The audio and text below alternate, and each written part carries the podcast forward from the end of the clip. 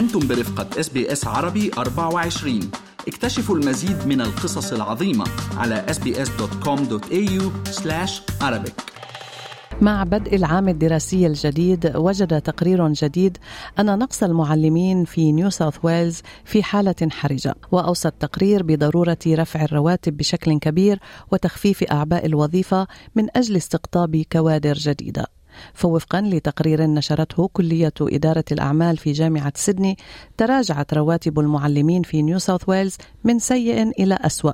ومن المتوقع أن تسوء الحالة أكثر. وقال التقرير الحديث إنه على مدى العامين الماضيين تدهور الوضع بشكل خاص بسبب التضخم الذي تصاعد بسرعة منذ 2021 وأضاف التقرير أن التحديات بدأت منذ عقود مع ازدياد ما أسماه متطلبات المهارات المرتبطة بالتكنولوجيا الجديدة وازدياد أعباء العمل.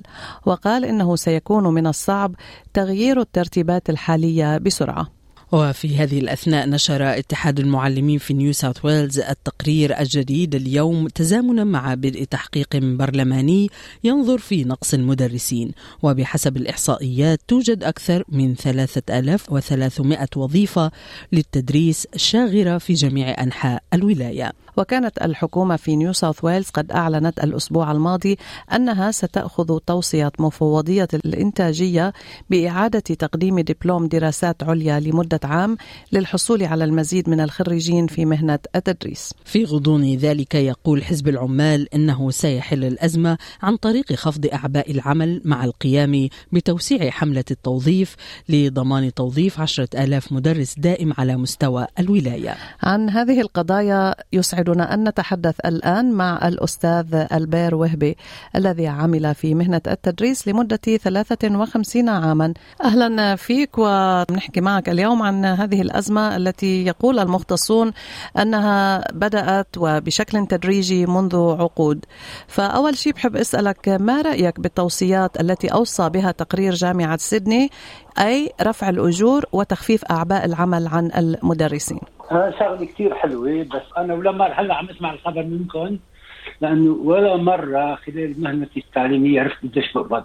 أنا اتخذت التعليم رسالي ورسالتي هي أن أرعى النشء لما أقسمت يمين بقصر العذر ببيروت سنة 66 بديسمبر 66 أنه أن أرعى النشء اللبناني أينما كان. ومن هنا الرسول ما بيسأل عن بيعيش إنه. بيقول السيد المسيح خادم من العيكل يعيش. والحمد لله عايشين يعني المعاش ما بيقدم ولا بيأخر طالما إنه الإنسان حابب هذه الرسالة. بيقدم وبيأخر بلا بس إنه في مجالات أخرى يعني يمكن بلبنان كنت تشتغل بثلاث مدارس. تعيش. ولكن الحياة لا ترحم أستاذ ألبير. يعني هون بنعرف أنه عم نحكي عن تضخم عن ارتفاع أسعار الفائدة عن ارتفاع فواتير الغاز والكهرباء إلى آخره. فكيف يمكن للأستاذ أن يعيش على حب المهنة فقط؟ يعيش بما تيسر له. ما في مجال يعني. إن هلا طبعا زيادات تعطى المصاري ما كنت ولا مرة أفكر قديش بدي أقبض. هذا أنا كأستاذ يعني عشت مهنتي كلها 53 سنة. بتصدقي لهلا يعني معلم بفوتوا على على البنك بيعرف إنه هذول بكفوني. بعيش فيهم بقى ممكن مع الأجيال الصاعدة جداد بدهم ياسسوا حياه جديدة وبدهم يبنوا بحاجة لمصاري طبعا. وتحسين المعاش بيحسن وضعيه الأستاذ ما ما بيضره ابدا. أكيد ما فيها ضرر هذه الزيادة لكن لو أخذنا من خبرتك الطويلة في هذه المهنة الإنسانية السامية شو يا ترى المطلوب لجذب كوادر يعني لديها المهارة لديها الشغف لديها هذا العشق بمهنة التعليم وإبقائهم في المهنة لفترة طويلة لتزداد خبرتهم ويقدموا الإيجابيات وهي كلها للطلبة؟ شو المطلوب لجعل المهنة جاذبة للشباب. المطلوب أن يتخذ المربي فكرة التعليم رسالي أنا مسؤول عن أجيال. بدي أرعاها. أريد أن أرعاها أن أؤمن لها مستقبلا ثقافيا مهما أن أزرعها فيها بذرة العلم والخير وأطورها مع الحياة. فهذا دورها كرسالة يعني.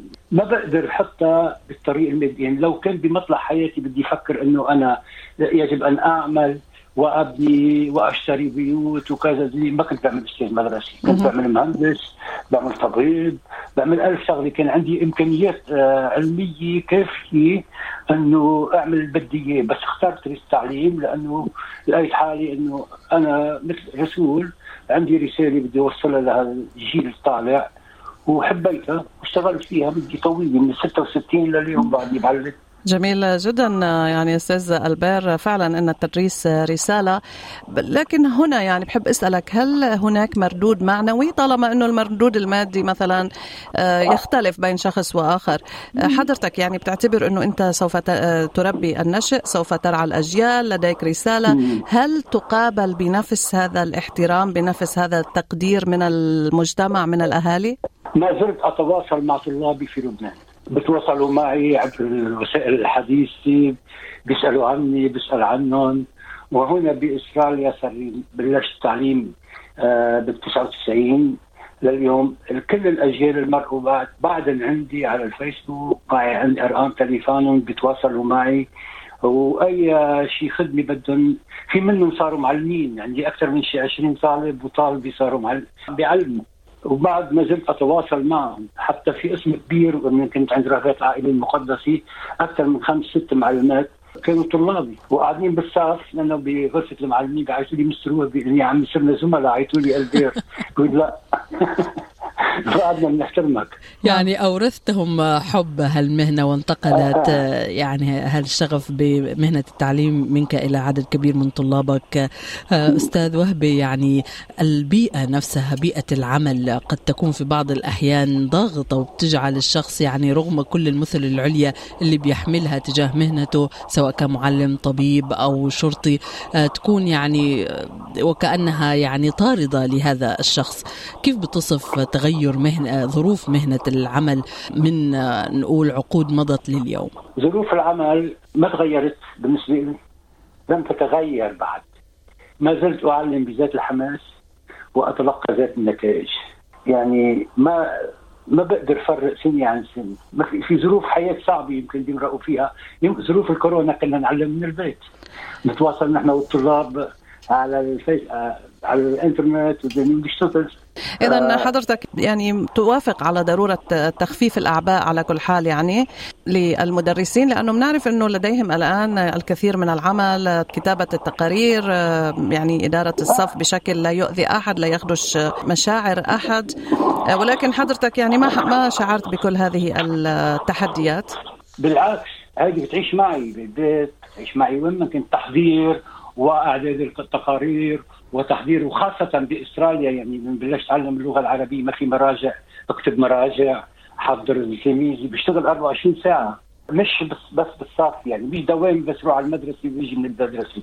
دوامي أكثر شيء بالبيت كمان لأنه بدك تحضري برامج برامج بدك تكتبي بدنا نعمل مصادر ما كان في مصادر وقت بلشت اتعلم نكتب مصادر آه نحضر برامج امتحانات تصحيح كله كنت أعمله بالبيت. بشتغل بالبيت قبل المدرسة يعني. إنه مثل ما قلت لك أنا بالبداية أنا اتخذت التعليم رسالي نعم. مش مهني. بدق الجرس بروح على البيت. طيب أستاذ ألبير عرفنا إنه حضرتك بتكتب الشعر ويعني تستمتع بكتابة الشعر. كمان بتحكي عن رسالتك كمدرس. هل في مجال نسمع منك شيء قصيدة عن المعلم؟ إن كان من تأليفك أو شيء يعني حضرتك بتحفظه وبتحبه وبتردده دائما كتبت بإستراليا أول ديوان صدرته بإستراليا بال 95 كان أول عهد التعليم. كان اسمه نجوى اللهيب. وقصايد موزوني شعر آه، موزون فصحى آه، بالعام 2018 أصدرت الديوان الثاني خوابي العبير وهو شعر يتضمن كثير خوارج نفسية وحالات ومناسبات عدة. وعندي ديوان بعد هيدا كله ب من أجواء المدرسة اللي كنت اعلم فيها بمناسبة تخرج الطلاب وأعياد الراهبات وكذا. سميته أنا المسافر في الحنين. هذا أسترالي الطابع لم يصدر بعد. شو بتحبي تسمعي بنسمعك بدك من من وحي بتاع الرسالة التعليم شو بيختارنا هلا نسمعك؟ عن المعلم. نعم تفضل. عيد المعلم عيد بذل صامت. مستهدف أسمى وأنبل مقصدي. أرأيته والصبح يرخي سدوله. متوجها جذلان نحو المعهد. أسمعته يسدي النصائح قائلا. يا نشأ من غرر العلوم تزودي. واقبل على كتب الإله فإنها آيات حق. فاستمر واسترشدي وانظر. ففي القرآن وجه الناصر واسمع. ففي الإنجيل وجه محمد. لمعلمي الأجيال يا قمر السماء يا شمس يا زهر الكواكب اسجدي. جميل جدا أستاذ البير أكيد راح يكون لنا يمكن لقاءات أخرى هيك كمان عن الشعر والأدب. بنشكرك جزيل الشكر اليوم الأستاذ البير وهبي. شكرا. استمعوا إلى آخر إصدارات إس بي إس عربي 24 على جميع منصات البودكاست.